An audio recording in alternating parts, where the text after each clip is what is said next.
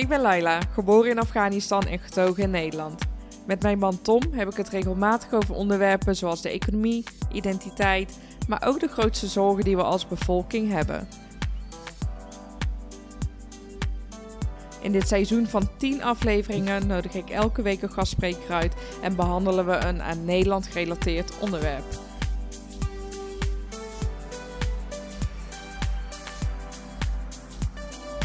Welkom bij Nederkast, ga mee op reis en laten we Nederland samen ontdekken.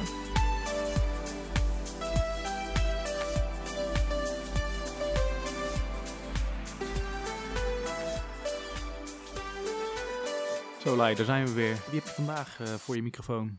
Ik ga het vandaag met Herman Vuistje hebben over uh, Nederlandse identiteit en cultuur. Oké, okay. heb je daar al een beeld over? Over cultuur? Over het onderwerp? Ja, ja nou eigenlijk over cultuur in het algemeen. En uh, jij bent natuurlijk van Afghaanse ouders geboren in Afghanistan. Mm -hmm.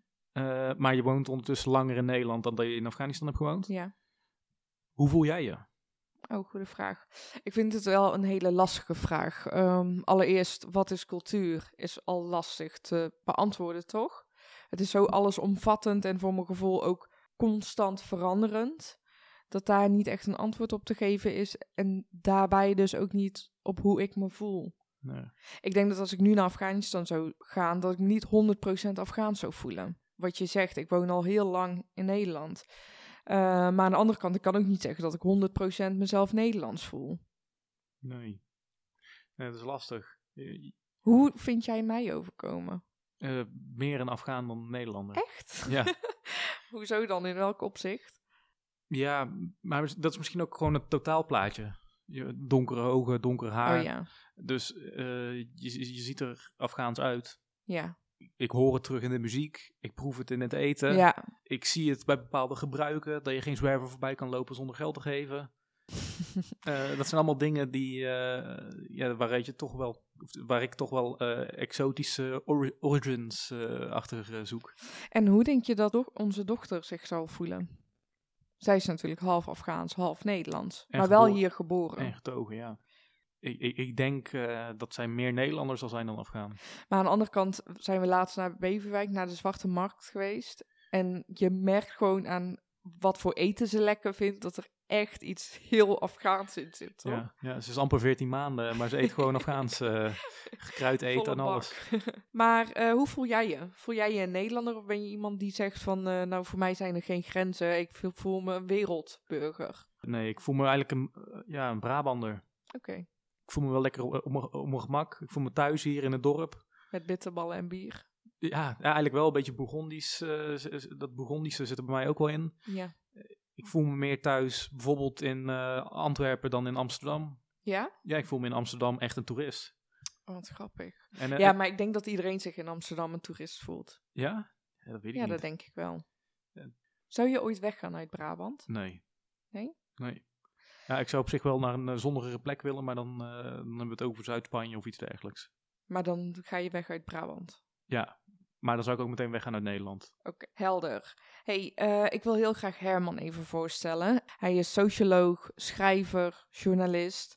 Herman heeft tientallen boeken geschreven. Zijn focus is ook naoorlogse cultuurverschuivingen. Ja. Dus ik denk dat hij dat altijd op de voet heeft gevolgd. erover heeft geschreven, gefilosofeerd. Dus uh, ik kan niet wachten om het gesprek met hem aan te gaan. Mooi. Wij gaan met je mee. Plakken we er gelijk een dagje Amsterdam aan vast. Lijkt. Even de toerist uithangen.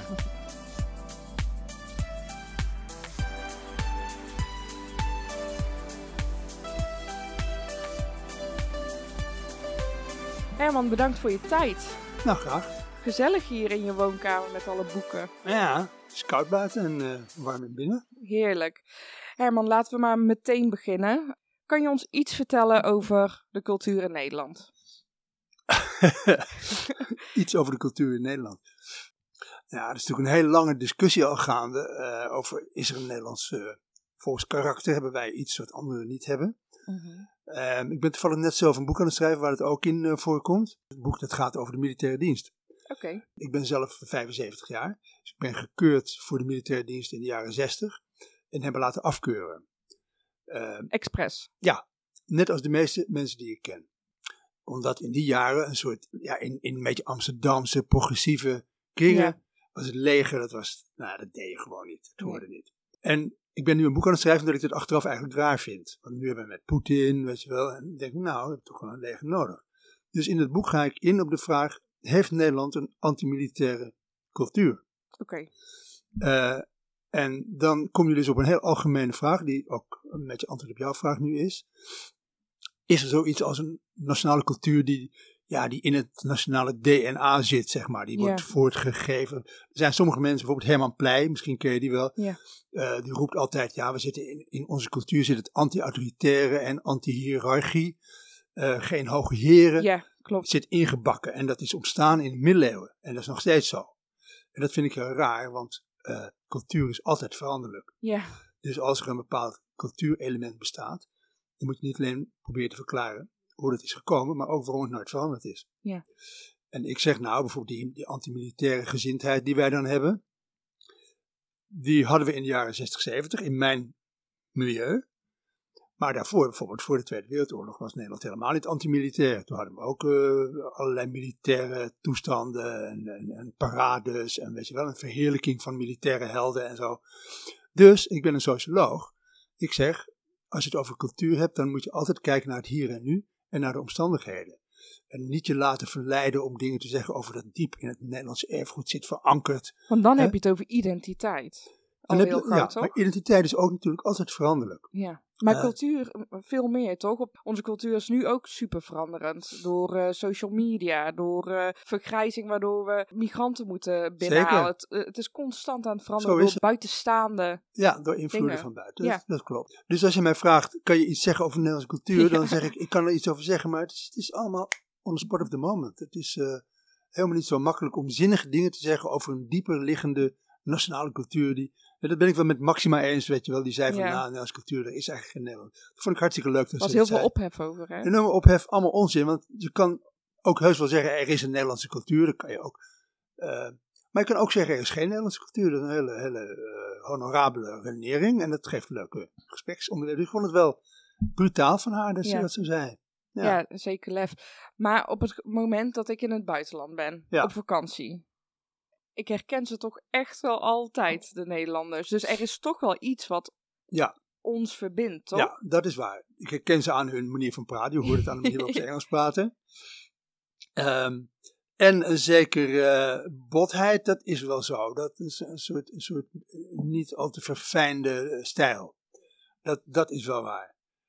Aan de andere kant, eh, als je een, hier, ik woon hier op de Wallen, bij de Wallen, als ik hier die Engelse eh, jeugdtoeristen zie, of Duitse groepen, nou, die zijn ook niet gespeend van botheid. Hè, dus dat, dat is ook allemaal een beetje, als je het echt serieus gaat vergelijken, dan zijn die verschillen misschien niet zo groot als je op het eerste gezicht zou denken. Is het dan handiger om het over cultuurverschuivingen en veranderingen ja, te hebben? zeker. Als Ja. we in de afgelopen 50 jaar kijken, wat zijn de grootste gebeurtenissen die invloed hebben gehad op onze cultuur? Ja. Nou, gebeurtenissen, dat is natuurlijk vooral de Tweede Wereldoorlog, die heeft een enorme invloed gehad.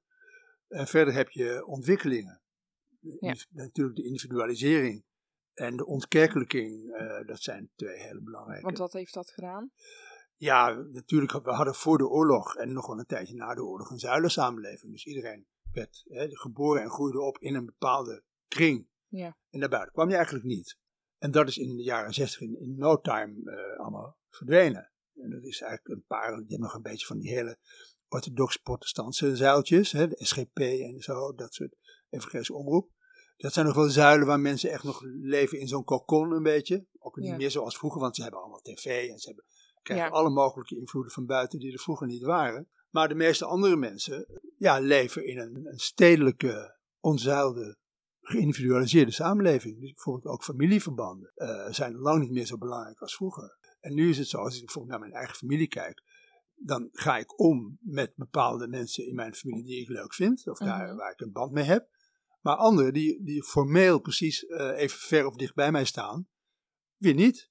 Omdat die toevallig mij niet liggen of ik hun niet lig. Of, dat is à la carte.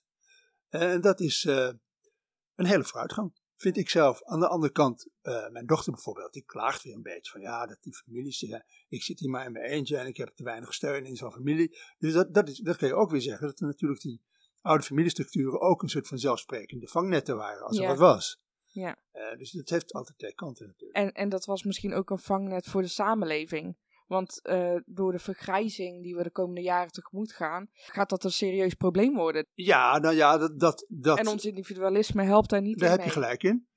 Ik weet nog wel, lang geleden ging ik wandelen in Nederland eh, met een vriend van mij. En dan gingen we ook eh, slapen, klopten we aan de boerderij of we daar in het hooi mochten slapen.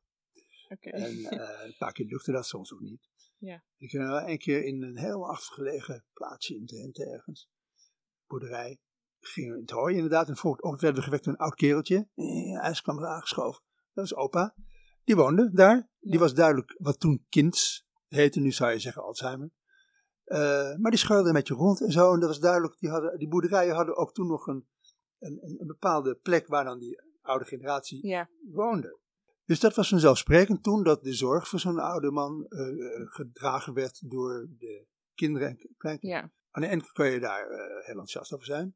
Aan de andere kant kun je ook zeggen dat het eh, helemaal niet zo fijn was. Want ja, moet altijd maar rekening houden met opa. En, En dat het een verplichting is. ja, precies. Want ik vind het heel goed dat je voor je ouderen en voor je omgeving zorgt. En dat er een hele hechte familiecultuur heerst. Maar het moet ongedwongen zijn. Ja, precies. En het is misschien wel zo dat we in Nederland nu een beetje doorslaan. Uh, wel grappig, ik weet niet of ik dat eh, verteld heb, maar ik heb een tijd geleden, lang alweer geleden, een, een portret gemaakt van een antropoloog uit Nepal. Ja, dat Had heb ik je verteld? Ja, maar vertel maar nog Ja. een keer. Die was dus neergestreken in de Alblasser Waard. Ja. Hè, boeren, een boerengemeenschap. En eh, die ging dus het omgekeerde doen van wat gebruikelijk is. Normaal gaan eh, antropologen uit het westen, die gaan naar zo'n dorpje in de derde wereld en die gaan dan daar de primitieve leefstijl in kaart brengen. Maar hier kwam dus iemand uit de derde wereld om onze leefstijl in kaart te Ja. brengen. En die man die was dus verbijsterd over de familiestructuur die hij daar aantrof. Bijvoorbeeld, wat hij helemaal niet goed snapte was, dat voor allerlei familieleden geen benamingen bestonden. Dus je hebt een vader, een moeder, je hebt kinderen, Ja. je hebt een neef en een nicht, een oom en een tante. Dan heb je misschien nog een achternicht en een oud-tante, maar dan houdt het op. Terwijl in Nepal heb je precies van, ja, je oud-tante van moeders kant of van de Ja. koude kant, hè, de achteroude kant, die heeft een bepaalde benaming. En Ja. er zijn ook bepaalde verplichtingen aan verbonden. Ja, Nou, en wat hij bijvoorbeeld ook niet snapte, was die, die ouders op die boerderijen daar in de Alblasse Ja. Woonden dan de, de ouders in het achterhuis. En eh, dus de, de nieuwe boerenfamilie in het voorhuis, maar die hadden eigenlijk geen contact met elkaar. Die aten niet samen. Waar hij niets van snapte. Waarom je vader en moeder wonen, dan ga je toch niet. Ja, nee, zeiden die kinderen dan al dus hem. Dat eh, gaf maar gedoe en hun vrienden vonden dat niet leuk met die oude mensen. en toen zei hij dus, dat vergeet ik nooit, hij dus uit Nepal en India afkomstig. In Nepal, we eten samen, eh, we, we, we zingen samen, we schieten elkaar dood, altijd contact. En overigens nog één ding wat ook Ja. wel heel grappig was. eh, wat hij vertelde, dat hij dus totaal verbaasd was dat er in zoiets bestond als privacy bij ons. Dat je dus kan zitten, s'avonds, hij was antropoloog, was je aan het werk. En er werd geklopt en er kwam er iemand. En dat je dan mocht zeggen, sorry, het komt even niet uit. ja. Vond hij geweldig, want dat kon helemaal niet in Nepal. Maar hij vond dat dus wel geweldig. Dat vond hij geweldig. Ja, Ja, dat snap ik. ja, er zitten altijd twee kanten aan. In de Afghaanse cultuur hebben we ook inderdaad, of in de Afghaanse cultuur, Ja. wij kennen ook benamingen voor bijvoorbeeld mijn neef aan mijn moeders kant of Ja. mijn vaders kant. Dat zijn twee andere benamingen inderdaad. Precies. Je nichtje, dat kan de dochter van je zus zijn, maar je nichtje kan ook de dochter van je tante zijn. Zo is het. Ja, ja, ja. Wij hebben een, eh, wat- ik weet niet of hij dat nou zei of dat ik het ergens anders gedaan heb, een ego-centered kinship system. Hè, dus een, een, op- het ego gebaseerd verwantschapssysteem. Dat ik, het ik is, wij, jij Staat centraal. staat centraal en daaromheen rotzooi je een beetje aan. Ja. En in andere landen heb je family-centered kinship system. Hè, dan gaat familie en vandaar zoom je in naar het ik, zeg maar. Wat vind jij daarvan? Daar vind ik niks van. Nee? dat observeer je alleen. Nou ja, dat vind ik zoals ik net al zei, daar zitten goede en slechte kanten Ja. aan. Maar Eh, wat ge- geeft de voorkeur? Nee, nee, dat ga ik niet zeggen, want ik zie heel duidelijk de tekortkomingen van, hè, Ja. van het huidige systeem, wat de eenzaamheid die er is. En aan de andere kant hebben we ook alweer in Nederland heel, eh, het is nu een beetje in discussie natuurlijk, omdat de overheid niet zo goed functioneert in veel opzichten, maar vergeleken met andere tijden en andere landen hebben wij natuurlijk een fantastisch eh, stelsel van voorzieningen, dat dan voor een deel in de plaats komt van die familiezorg. Ehm, dus het is heel moeilijk om, vind ik, om, eh, om daar een waardeoordeel aan te Als je mij vraagt wanneer wil je liever leven, nu of voor 100 jaar geleden, Ja. in dit opzicht zeg ik nu. De Nederlandse bevolking wordt wel als een van de gelukkigste bevolkingen in de wereld gezien. Zou er dan toch een directe relatie tussen zitten. Ja, maar dan heb je natuurlijk niet alleen over identiteit, maar dan heb je het ook over welvaart. Ja. Voor een groot deel. Hè, Hangt dat niet allemaal samen? Kan je niet zeggen van indirect of zelfs direct, is dat individualisme zorgt toch voor dat we gelukkiger zijn? Ja, nee, dat weet ik niet. Dat, vind ik dus moeilijk te zeggen. Als we gelukkiger zijn dan voor mij bijvoorbeeld, is die individualiteit eh, daar zeker een bestanddeel van. Voor andere mensen is het misschien een nadeel. Maar die zijn misschien toch nog heel gelukkig omdat ze bijvoorbeeld eh, welvarend zijn. En omdat we een goede gezondheidszorg hebben en maar dat soort dingen. Hè. Maar het is natuurlijk helemaal niet gezegd dat eh, welvaart en goede gezondheidszorg gepaard gaan met individualisme. Kijk naar Saoedi-Arabië om eens iets te Ja, noemen. oh ja, dat is waar. Kunnen we zeggen dat in de afgelopen jaren sowieso cultuur over de hele wereld eh, wat meer op elkaar is gaan lijken? Ja, De wereld wordt kleiner. dat, dat is zo denk ik. en Ehm, hoe staan wij ten opzichte van de rest van de wereld? Nou ja, je meer op elkaar gaat lijken. Dus dat betekent dat, dat je dus. Ik, ik wandel vaak in, eh, een beetje rond en ga ik vaak naar Amsterdam-Noord. En dan loop ik zo'n beetje daar rond. En dan kom ik langs een, nieuwe wijk die daar wordt gebouwd nu. En dan wandel ik met een vriendin van mij altijd. En dan kijken we naar de nieuwe wijk. En dan zeggen we tegen elkaar: Dit kan overal ter wereld zijn. En dan hebben we het over de architectuur. En het is, als, je hier, als ik hier vijf minuten rondkijk. eh, zonder dat ik weet waar ik ben. Maar Ja. dan weet ik toch al vrij snel dat ik in Nederland ben en misschien wel in Amsterdam. Ja. Maar daar, het kan anywhere zijn, omdat die gewoon die bouwstijlen functioneel zijn en, en eh, wereldwijd eh, identiek zijn. Eh, dus in die zin wordt de wereld steeds kleiner, gaat het steeds meer op elkaar lijken. Niet in alle opzichten natuurlijk, want ja, je mag, eh, kijk naar Afghanistan. Ik bedoel, de Taliban gaan niet meer op ons lijken. Hè? Nee, Gelukkig. Zou wel fijn zijn. dat zou, sorry, ongelukkig bedoel ik, ja. Ehm, dus het is niet zo, dat het is geen wet van mede en persen, maar er is een ontwikkeling. En ik denk ook, maar dat is een, dat is een niet bewezen stelling, dat de wereld ook cultureel in die zin op elkaar gaat lijken dat de godsdienst verdwijnt. Veel mensen zeggen, eh godsdienst maakt een revival door. Kijk naar de islam. Ik zeg dat is. Dat, eh, de onttovering van de wereld gaat verder. Ik denk ook dat autoritaire structuren zoals in China uiteindelijk geen toekomst zullen hebben. Het is gewoon te leuk wat dat betreft. Het verschil tussen autoritair en democratisch is te leuk. Maar Om- even Ja? eerst over godsdienst. Ja. Vind ik wel interessant. Ja. De veranderingen. Ja, Want nou, vroeger was het inderdaad, speelde het een enorme rol. Tuurlijk. Eh, nou is er onder sociologen al heel lang een, een discussie over eh, de gang van zaken op religieus gebied. Ehm, en dan is er dat, dat heet de secularisatie-these. Eh, dus dat is een stelling die sociologen een tijd lang met elkaar deelden eigenlijk wel. Dat, wat ik nu zeg, dat dus de onttovering van de wereld gaat door. Ja. Dus wij maken nu de laatste eh, restanten mee van mensen die nog een religieuze, een ouderwetse religieuze, van- met een hiernamaals en zo, overtuiging eh, hebben. Vooral sinds die opkomst van de islam, of de aandacht misschien moet ik zeggen voor de islam, is er een nieuwe stelling in de plaats gekomen. Antisecularisatie-these. Dus er zijn nu ook vrij veel socia- sociale wetenschappers die zeggen: oh, oh nee, godsdienst neemt juist toe. Weer. Misschien niet in eh, het Westen, maar kijk eens naar de rest van de wereld. Waarop ik zeg: nou, daar ben ik niet mee eens, want ik denk dat het zo leuk is het niet om, eh, om religieuze, ouderwetse religieuze cultuur te leven met al zijn beperkingen en belemmeringen. Dus de vrijheid van gedachten en meningsuiting en gevoel zal uiteindelijk eh, overwinnen. En ik voeg daar mijn eigen hypothese nog aan toe. Je hebt dus een secularisatiethese en dat is antisecularisatie-these. En ik voeg daar aan toe een vervagingsthese. Wat ik zeg, ik heb er ook een keer een boek over geschreven, is het verschil tussen religieus en niet-religieus vervaagt. Als mensen het hebben over ik ben religieus, dan weet je eigenlijk niet meer precies wat ze bedoelen. Vroeger wist je dan, nou die gelooft in een man op een wolk. En als iemand zei ik ben niet religieus, dan wist je, nou die gelooft helemaal in, niet in hiernamaals of niks.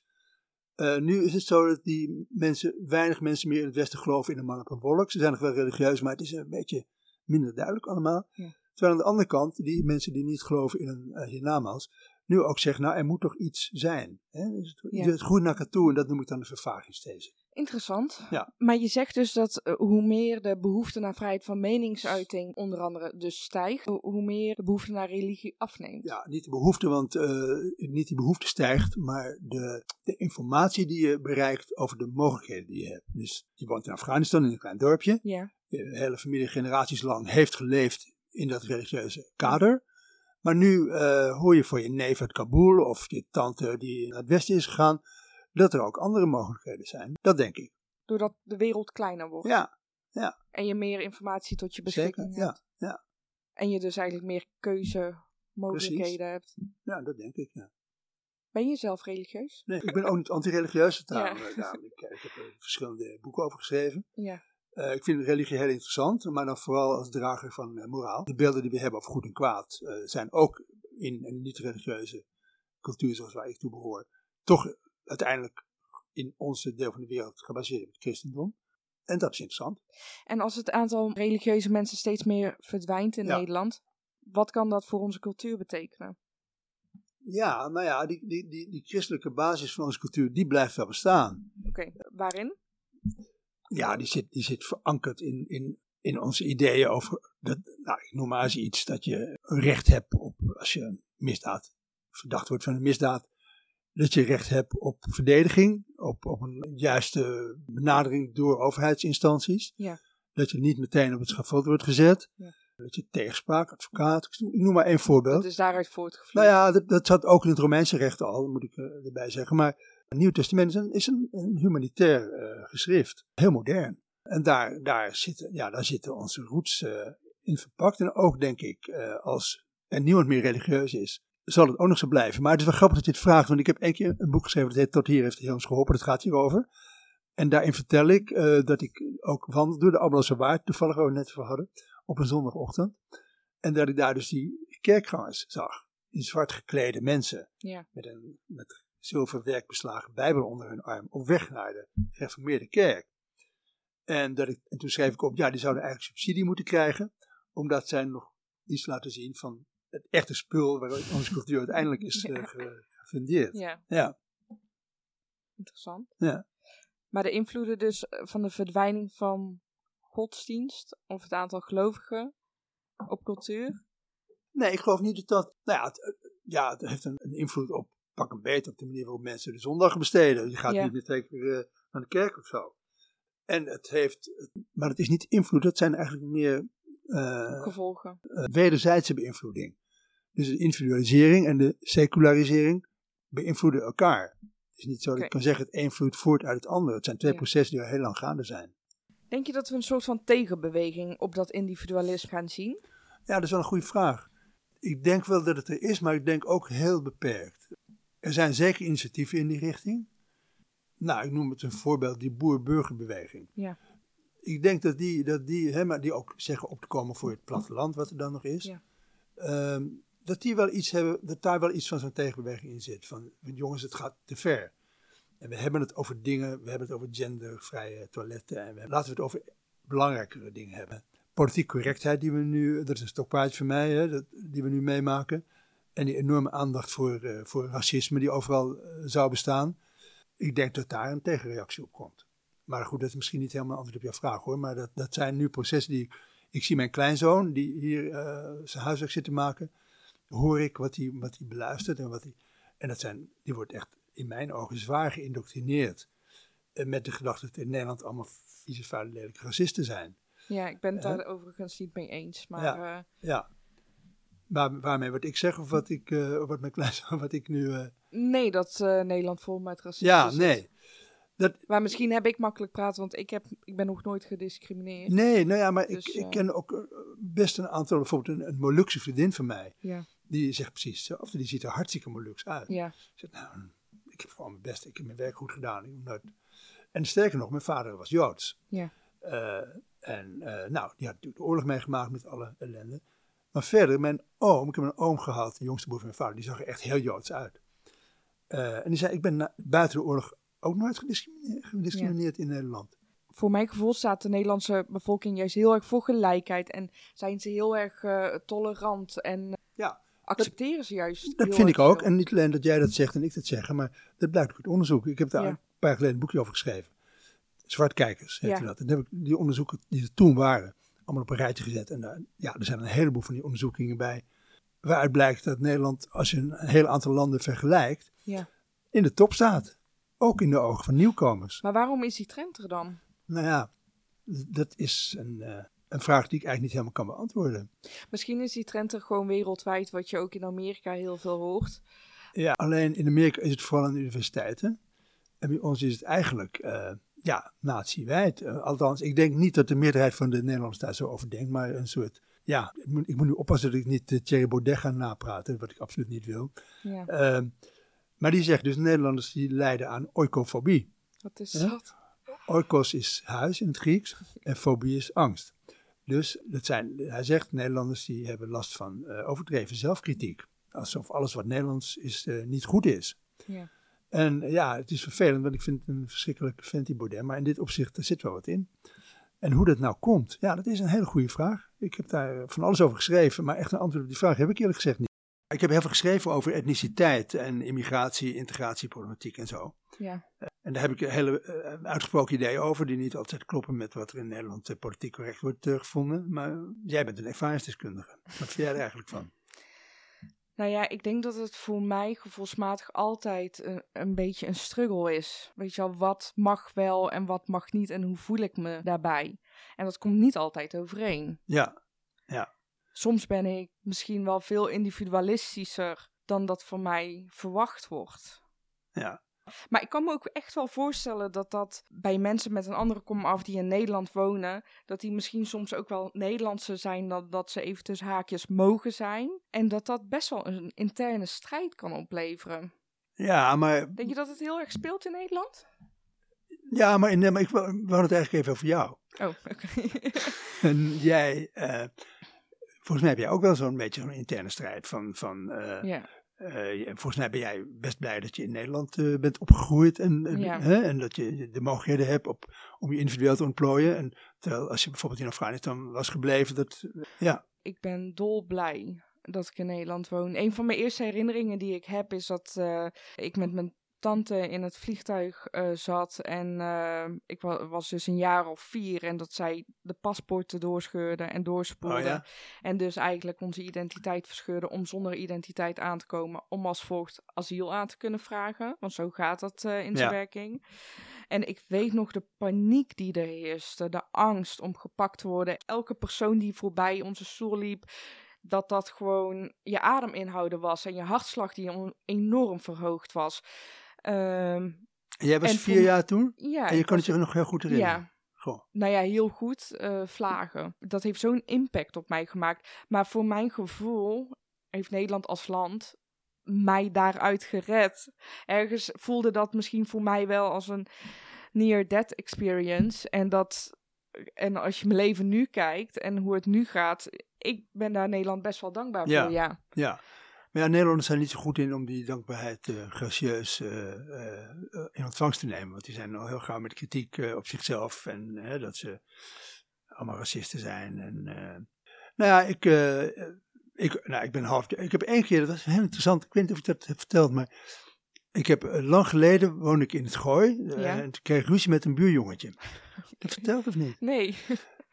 Over niks, ik weet niet over niks. Over. En die riep toen vuile rotjood. Hij. Hij, ja. En Hoe lang ben- geleden is dat? dat, ik, eh, dat is eh 60 jaar geleden. Ja. Ja, jongetjes. En ehm, eh, ik ben niet eens een echte Jood, want volgens de Joden ben ik geen Jood. Want alleen Half mijn- Jood. mijn- ja, maar zelfs mijn vader was Joods. Dus volgens de Joden tel ik niet mee, want dan moet je moeder Joods zijn. Oh. Hè, als je dat Joods, ja. Dus ik ben een beetje een nep Jood. Maar goed, hij zei vuile rot Jood. En ik hield een beetje mijn schouders zo voor. Twee jaar geleden kreeg ik een brief uit eh, Ibiza. Beste Herman, ik heb je website gezien, een naam, en ik wil je graag even zeggen dat ik nog steeds zo'n last heb dat ik dat toen gezegd heb. En eh, kan je het je nog herinneren en kun je me vergeven? En waarop ik hem dus terugschreef, beste Peter, natuurlijk kan ik me dat herinneren. Ehm, ik vond het niet leuk, Ja. maar ik heb geen moment gedacht dat je nu een lelijke racist was. Je was gewoon een kwaad jochie. Ja. Als ik rood haar had gehad, had je vu- vieze vuile vuurtoren geroepen. Of Ja. die is heel lullig ze wilde roepen. Ja. Dus maak je vooral geen zorgen. En eh, Oh, Maar- bijzonder dat hij toch... eh, ja, 60 jaar later kom je daar dus op terug. Waarom omdat, denk je? omdat we in een cultuur leven waarin zo'n enorme drang. drang is om, om, om, om maar niet de minste ver- verdenking op je te laden dat je eh, iets lelijks over een andere bevolkingsgroep zou. eh, Lopen we dan denken. allemaal dus op eieren? ja, dat doen we ja. Ergens is dat natuurlijk ook goed, want dat maakt ook dat we zo tolerant zijn als Nou bevolking. nee, dat vind ik niet goed, want Nee? het is, eh eierenlopen is niet goed. Die tolerantie die, die is er gewoon in Nederland. We zijn, we zijn niet. Eh, dat heeft ook met die stedelijke cultuur te maken. En we hebben natuurlijk in Nederland, in dat opzicht, kijk ik wel terug in onze geschiedenis, al heel lang een cultuur van immigratie. Ik bedoel, bijna iedereen hier in Amsterdam is een immigrant. Ja. Ik ook, van twee kanten ben ik een Duitser. Van vader en moeder, als je ver genoeg terug gaat, ben Ja. ik gewoon een Duitser. Ja. Ehm, dus we hebben altijd een open houding. Op, we hebben ook geen traditie van, van eh, racisme. Ja, die hebben we wel in de koloniën gehad, ja. maar in Nederland niet. Ja. Eh, en het op eieren lopen, dus dat enorme overdreven beduchtheid om oh, iets te zeggen wat misschien lelijk, dat is pas na de oorlog gekomen. En pas in de jaren 60, Ja. 70 ontstaan. ja. En dat is het wat ik nog wel wil toevoegen. Dat ehm, in het boekje Zwartkijkers heb ik, ben ik daar een beetje op ingegaan en heb ik gezegd van kijk, eh, eh, dit is nu allemaal super gevoelig. Kijk naar Zwarte Piet bijvoorbeeld, de hele Zwarte Ja. Piet discussie. Eh, ik, ik vind dat vreselijk overdreven. Ik ben een voorstander van Zwarte Piet. Volgens mij zijn de, de gevoeligheden op dat gebied van eh, de, de anti-Zwarte Piet eh, actievoerders gebaseerd op de ervaringen van eh, hun ouders van een aantal jaren, een aantal decennia geleden. Want het Zwarte Piet was natuurlijk een Koeterwaals pratende, domme man. Dus die met, met overdreven racistische, raciale kenmerken. Dus toen was er alle reden destijds om Zwarte Piet te willen afschaffen. Ja. Maar nu is Zwarte Piet de leukste kindervriend die er is. En, en, en hij, is, Sint- hij helpt Sinterklaas. Nou, fijn. Een heel debat over voeren. Waar, wat, waar ik interessant vind. Ik denk dus dat de, heftigheid van het debat die we nu meemaken met Zwarte Piet als voorbeeld. voortkomt uit ervaringen van immigrantengroepen in het verleden. En ik denk dat de hele discussie en de gevoeligheden die we op dat gebied hebben. over twee generaties totaal verdwenen zullen zijn Oké. omdat het gewoon helemaal samenhangt met eh, tijdelijke culturele spanningen. Ja. Ik neem even voorbeeld de Joden. Eh, als je de gevoeligheden die je nu ziet, bijvoorbeeld onder eh, zwarte Nederlanders op het gebied van Zwarte Piet, Mhm. diezelfde soort gevoeligheden zag je bij Joden tussen de twee oorlogen. En toen waren de Joden ook in Nederland aan het emanciperen. Ja. Het was een, ook een achtergebleven groep, die woonde hier verderop op, hè, op Uilenburg. Hele, mijn vader is in een krot geboren daar. Ja. Dat, en dat, als je zijn stamboom ziet, de generaties woonden allemaal daar in krotten.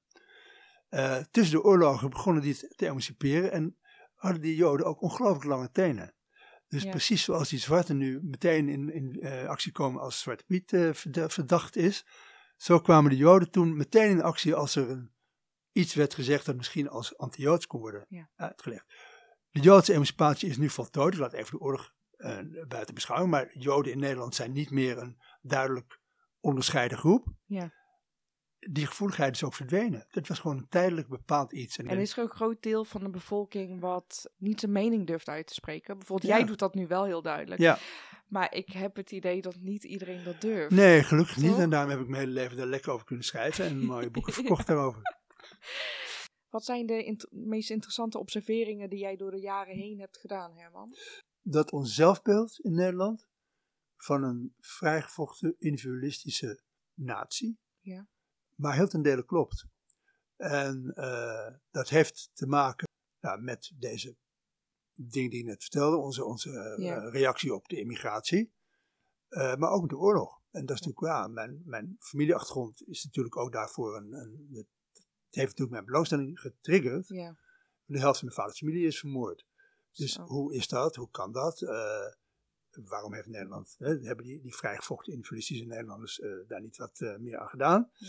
Nou, dat, zoals ik zei, dat is een enorm debat wat, wat eh, zich voort, eh, eh, wat voortduurt en wat waarschijnlijk nooit ophoudt. Er zijn heel veel verschillende factoren die je daarbij kan aanroeren. maar wat wel vaststaat, is dat de grote meerderheid van de Nederlanders erbij stond en niks deed. Ja. Dus dat is een van de feitelijke herinneringen, culturele herinneringen, die mij doet relativeren dat we over de hele linie zo'n individualistische cultuur hebben. En zeker dat we die altijd al hadden. En ik zeg, kijk waar je het over hebt. Kijk in hoeverre dat individualisme, om dat maar even als voorbeeld te nemen, uh, tijd bepaald is. Ja. En kijk op welke gebieden het zich voordoet en op welke gebieden minder. Maar helaas leidt het inderdaad niet tot duidelijke, eenduidige antwoorden op je vraag. Dat klopt. Nee. Nee. spijtig maar waar. Nee, nou, ik denk wel dat het in ieder geval stof tot nadenken geeft, toch? En dat, dat men ervan bewust wordt hoe hij of zij er zelf, zelf in het leven staat en wat de gevolgen daarvan zijn. Kan je het eigenlijk veel kleiner maken, net als dat je niet kan zeggen wat de Nederlandse cultuur is. Uh, kan je ook niet zeggen wie jij zelf bent, want ook dat is een, iets wat constant verandert. Zo is het, ja, dat is zeker waar. Kunnen we hem daarmee afsluiten? Is dat een goede conclusie? nou ja, dat is geen conclusie, dat is meer een uitgangspunt, maar dat uh, ben ik in ieder geval wel met je eens. Ja. Oké, nou Herman, heel erg bedankt voor je tijd. Oké, graag gedaan. Beste luisteraar, bedankt dat jij je kostbare tijd hebt besteed aan het luisteren van deze aflevering. Wil je niks missen? Volg dan Nedercast op Spotify, Apple Podcast of Podimo. En ook ben ik ontzettend benieuwd wat jullie van Nedercast vinden. Dus laat alsjeblieft een review achter. Tot volgende week dinsdag.